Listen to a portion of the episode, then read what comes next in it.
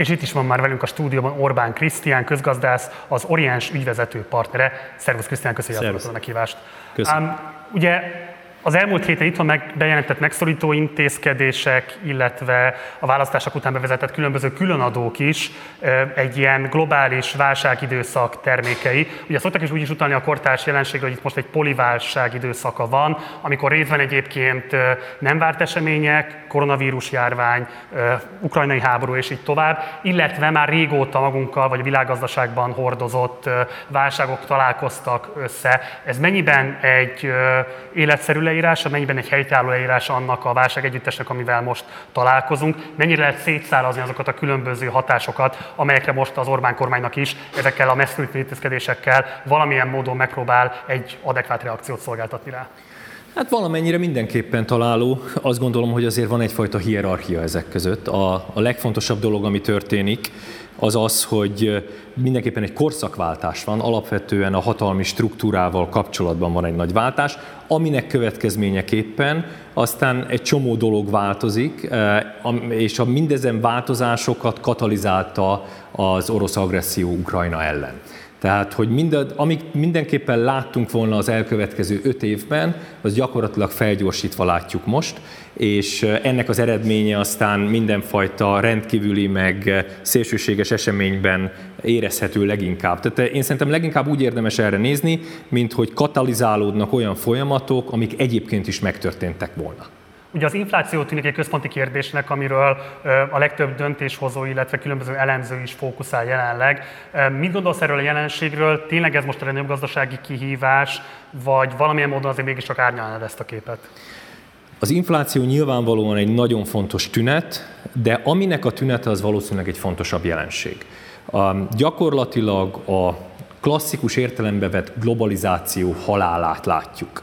Ugye mi volt a globalizáció? A globalizáció az volt, hogy az értékteremtési láncok, a termelési láncok, azok pici szakaszokra bomlanak fel, és a különböző szakaszokat különböző helyeken e, végzik el a tevékenységeket. Hát az autógyártás erre egy jó példa, máshol van az acélgyártás, megint máshol van e, mindenfajta szerelvénynek a gyártása, motorgyártás, és végül az összeszerelés is, ezek nagyon különböző helyszíneken történnek. Ez maga a globalizációnak a jelensége. Ez az a jelenség, amelyik megkérdőjeleződik, ez az, amelyik egy óriási változásban van jelenleg. Mi történt? Az történt, hogy az orosz agresszió Ukrajna ellen az egyértelműen, egyértelművé tette, hogy a nyugati országok számára mik a biztonságos országok és mik a nem biztonságos országok. A legtöbb vállalat számára most vált nyilvánvalóvá az, ami egyébként egy 2018 óta zajló folyamatnak a kulminációja, hogy nem feltételezhetik azt, hogy ugyanaz a jogrend van, ugyanúgy kikényszeríthető szerződések vannak a világ valamennyi országában. És abban a pillanatban, hogyha én vagyok egy amerikai vagy egy német cég, és nem feltételezhetem, hogy azokat a szerződéseket ugyanúgy betartják eh, Oroszországban, az én szempontomból, mind ahogy betartják Németországban, akkor onnantól kezdve újra kell azt gondolnom, hogy vajon valóban biztonságos-e olyan sok termelési fázist kitenni számomra távoli és bizonytalan országokba.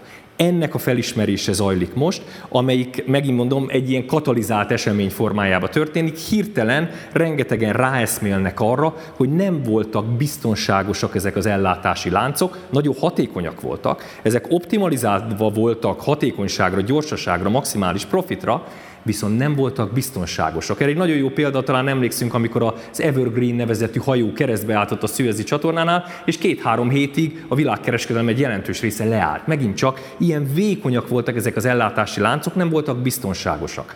Ami most történik, hogy a világban nagyon sokan realizálják azt, hogy ez biztonságosabbá kell tenni. De a biztonság az mit jelent? Elsősorban azt jelenti, hogy a termelés bizonyos fázisait máshova kell vinni, illetve azokat a dolgokat, amiket meg kénytelenek vagyunk nem biztonságos helyekről használni, meghozni, ott biztosítani kell valahogy, hogy elég legyen belőle, magasabb készletszinttel, vagy a konkrét fizikai biztonságnak a biztosításával, és ez mind-mind plusz pénzt jelent.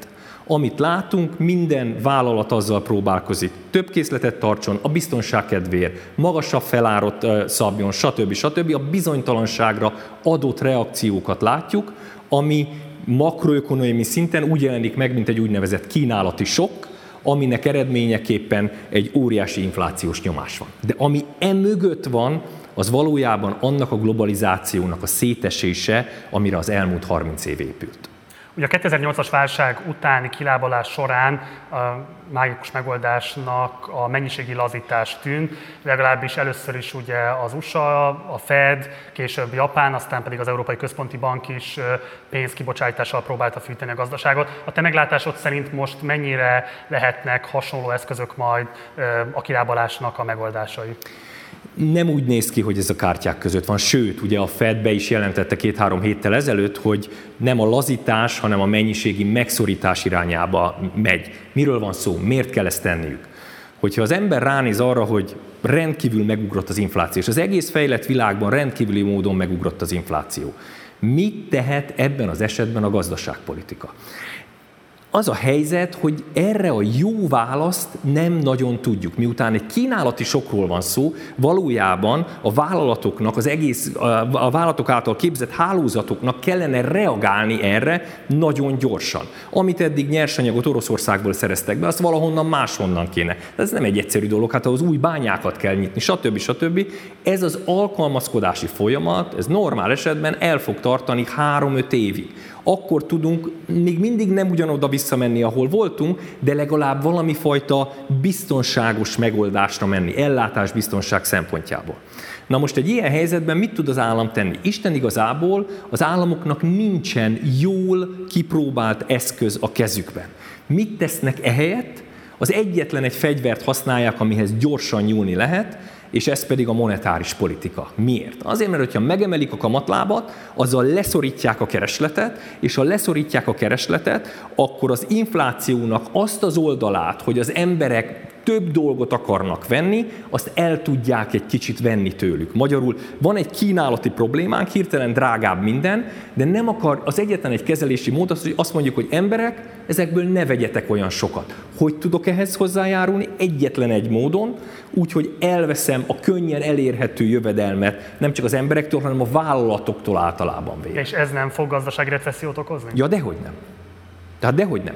Tehát, hogy azt látni kell, hogy a, hogy a 70-es években a, gyakorlatilag mindenki próbál visszamenni az a forgatókönyvhöz. 70-es években volt egy olajsok, először 73 aztán 79-ben, és ott hasonló problémák jöttek elő, úgynevezett stagfláció volt, magas infláció és nagyon alacsony növekedés, helyenként recesszió. Tehát magas infláció, recesszió. Ez egy lehetetlen helyzet volt, és ebből a kiutat végül az jelentette, hogy a beindulás után 8 éve jött egy Paul Volcker nevezetű jegybankár Amerikában, aki felnyomta a dollár kamatát, a dollár kamatát 16 ra aminek eredményeképpen aztán természetesen az emberek meg a vállalatok zsebébe lévő pénz lement, nem akartak annyi mindent venni, ha nem akarnak annyi mindent venni, akkor nem megy fel annyira az ár, és így végül letörték az inflációt de azt látni kell, hogy ez egy rettenetesen nyers eszköz. Isten igazából nem a problémát orvosoljuk, hanem próbálunk egy más eszközzel élni azért, hogy ne legyen vágtató infláció.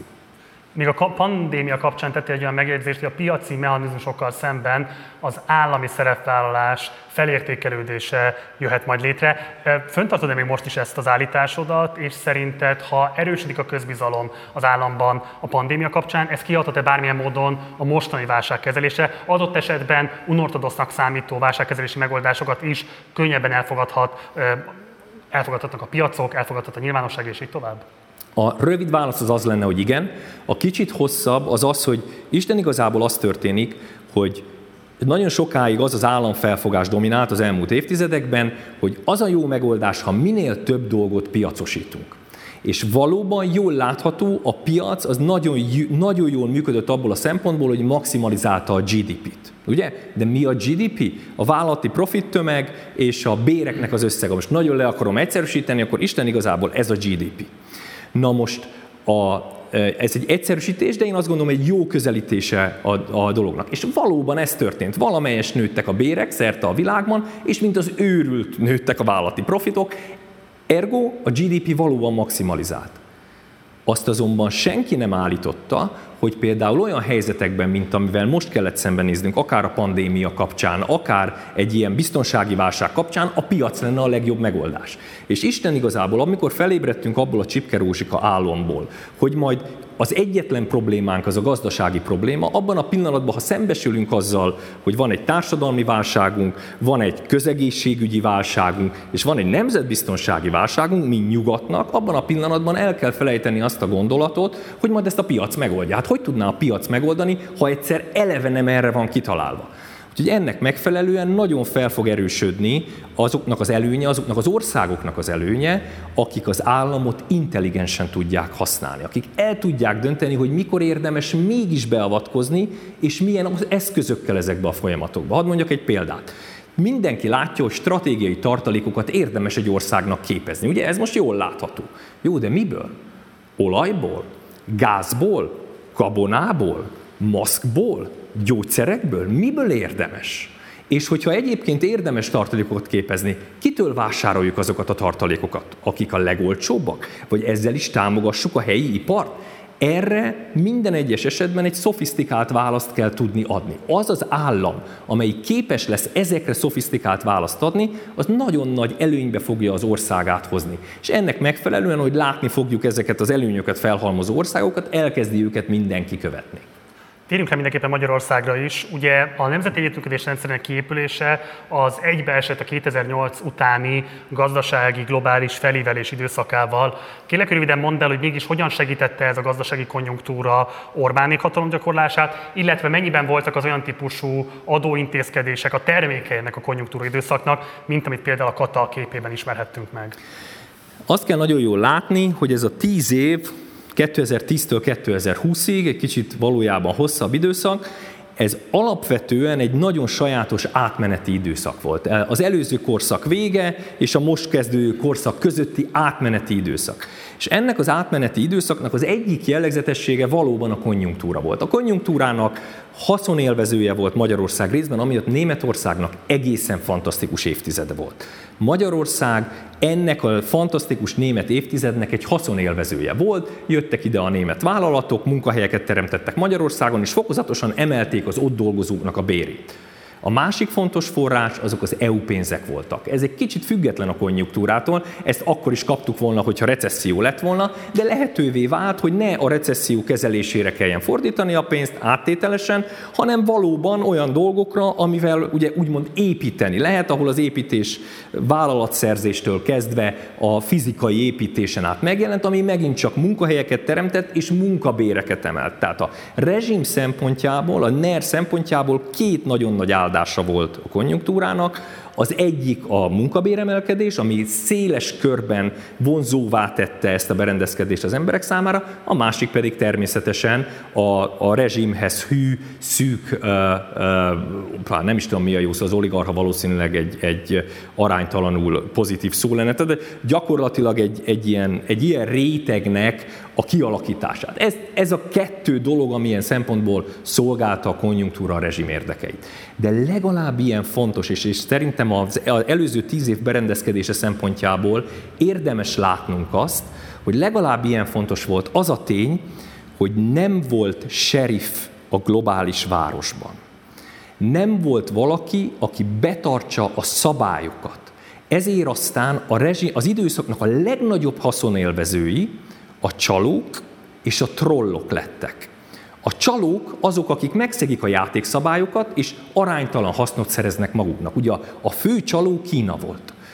Mindenki számára most már látható módon össze-vissza lopkodtak technológiákat, nagyon tudatosan államilag vezéreltek, és gyakorlatilag a nyugat elaludt a volánnál. Úgy tett, mintha ez nem történne. Bonyolult, hogy miért tett úgy, de a lényeg az, hogy úgy tett, mintha nem történne. A csaló, a legnagyobb csaló nyugodtan élvezte munkájának gyümölcsét. De nem csak a csaló garázdálkodhatott szabadon, hanem a troll is. Ugye a fő troll Oroszország, a troll annyiban más, mint a csaló, hogy a csaló saját zsebére dolgozik. Csal a saját zsebére. A trollnak egy célja van, a rendszert szétverni.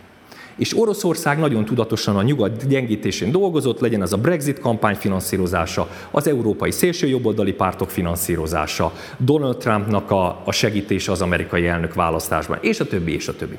Még a trollokat se büntették, Észak-Korea, stb. Még azokat se. Ezért aztán joggal vélte azt például Magyarország zárójelben és Lengyelország, hogy itt nyugodtan lehet az ember a rendszeren belül csaló. Én nem, ez most nem normatíva akarom mondani, hanem nem betartani a rendszer szabályait, hanem a rendszer úgy meghekkelni, hogy az nekünk legyen jó. Gyakorlatilag az Európai Unió viszonyában Magyarország és Lengyelország ezt csinálta, és nagyon-nagyon sikeresen. Amerika nem erőszakolta ki a, a globális rend fenntartását, Brüsszel, Angela Merkel elképesztően erős támogatásával pedig nem alakította ki az európai szabályoknak, nem hajtatta végre az európai szabályoknak a betartását, vagy nem erőszakolta ki az európai szabályoknak a betartását. Egyébként ez egy izgalmas kérdés, és egyébként akár egy különadást is majd ráhúzhatnánk, mert az is érdekes lehet, hogy 2010 előtt is, hogyha ezekkel az analógiákkal, vagy ezekkel a terminusokkal élünk, amiket te használtál, hát voltak mások is, akik nem feltétlenül tartották be azokat Persze. az ígéreteket, amelyeket például mondjuk a félperifériás államok irányába, például Magyarország irányába megtettek. De az érdekelne engem, mert hogy arra utaltál egy drámai leírással, hogy igazából a globalizáció véget ért, és valóban lehet azt látni, hogy igazából különböző tömbök alakulnak ki, és Érdekelne, hogy mit gondolsz arról, hogy az Orbán Viktornak a mozgástérét hogyan fogja befolyásolni. Az a típusú egyensúlyozó politika, amelyel egyszerre próbál jó viszonyt tápolni az Egyesült Államokkal és az arab államokkal is, Oroszországgal is. Tehát ebben neki marad-e érdemi mozgástere, vagy elkövetkezhet most ebben a gazdasági helyzetben egy töréspont, amikor egyértelműen állást kell majd foglalnia? Röviden igen. A kicsit hosszabban az történik, hogy én, én inkább úgy fogalmaznám meg a NER-nek a stratégiáját ebben az esetben, hogy Magyarország szélsőségesen függ Németországtól gazdaságilag. De rendkívüli módon. Ugyanúgy, mint az első szá- előző száz évben mindig függtünk valamilyen nagy finanszírozótól, most is függünk, most elsősorban Németország jó indulatán. A nagy vállalatok befektetéseink kerül keresztül, illetve hát nincs abban nagy titok, hogy, a, hogy az EU segély, az EU támogatások, az EU által nyújtott mindenfajta transferek mögött jelentős részben ugye német pénz áll. Na most az a helyzet, hogy a NER, és személy szerint Orbán Viktor az elől futott, meg próbált elmenekülni, hogy ez egyben politikai függést is jelentsen. A pénzügyi függés és a politikai függés rendszerint kéz a kézben megy. És ő azt próbálta bemutatni, azt a, azt a stratégiát folytatta, hogy minél inkább próbált közel kerülni politikailag Oroszországhoz, Kínához, arab országokhoz, Törökországhoz, minél többtől azért, hogy ezáltal belpolitikai autonómiát szerezzen. Hogy képes legyen belpolitikailag végrehajtani azt, amit ő végre akart hajtani hogy ne erőszakolhassanak rá olyan normákat és szabályokat, ezeket, amiket európai normáknak és szabályoknak hívunk, amiket ő nem feltétlenül úgy gondol és nem úgy akar megvalósítani. Ez alapvetően nem azért sikerült olyan jól, mert ezt könnyű lenne csinálni, vagy azért, mert tényleg valami fajta egyszer az évszázadban zsenialitással került végrehajtva, hanem azért, mert a németek és az amerikaiak kivonultak a városból, amikor a szabály végrehajtására került sor. Egész egyszerűen nem hajtották be a szabályszegőkön a büntetést, nem erőszakolták ki a szabályok betartását. Ennek megfelelően egy nagyon racionális politika volt, eltávolodni tőlük, és megszerezni ezt a belpolitikai autonómiát. De bocsáss meg, akkor De... igazából annak a bizonyítéka, hogy itt is a gazdasági érdekeik voltak nekik is a legfontosabbak, és abban azt láthatták, hogy Orbán Viktor kifejezetten készséges, sőt, Abszolút. korábbi rezsimeknél sokkal Abszolút. készségesebb partner. Abszolút. Azt gondolom, hogy Angela Merkel alapvetően ezért Angela Merkel alapvetően azért nem lépett fel ezekkel szemben, mert úgy gondolta, hogy Németországnak így a legjobb, és ebben Magyarország felé ez kiemelten igaz. Ez az egyik része. De amit látnunk kell, hogy 2018-ban két hatalmas változás történt. Egyrészt a nyugatban megszületett a felismerés arra nézve, hogy Kína rendszer szintű ellenfél, ami aztán fokozatosan átalakult egy ellenség definícióval. definícióvá. Ez 2018, és ahogy Oroszország és Kína egyre inkább sodródott egymás mellé, ez az orosz viszonylatot is elkezdte egyre inkább egy, egy ilyen ellenséges viszonyjá definiálni. Ez 2018-ban kezdődött. A másik, hogy Orbán Viktor feladva ezt a potyautas, hogy is mondjam, szabály megkerülő stratégiáját, elkezdett trollkodni a rendszerben. Meghirdette azt, hogy ő valami fajta európai vezetője lesz a szélsőjobbnak, annak, akik megpróbálják az Európát, megpróbálják Európát újra definiálni, gyakorlatilag az establishment jobboldal helyett egy radikálisabb jobboldali definíciót adott, és ő deklarálta, hogy ennek európai vezetője akar lenni. Ez volt az első lépés. A második ilyen, a, megint csak a, a troll funkciónak egy következő lépése, hogy milyen intenzíven segítettünk mindenfajta orosz törekvéseket. A harmadik dolog, amit Magyarország csinál a Balkánon. Jól látható az, hogy én azt gondolom, hogy ez egy gigantikus stratégiai szereptévesztés Orbán Viktor részéről, hogy ahelyett, hogy ügyesen a szabályok meghekkelésével extra pénzt szerzett volna magának és a rendszerének, ehelyett átlépett abba a szerepben, mintha ő a rendszer tudná formálni. Azt gondolom, hogy ez a hübrisznek a klasszikus esete, és ez rettenetesen behatárolja most arra a mozgásterét, amikor pedig elkezdenek a határok megjegecesedni.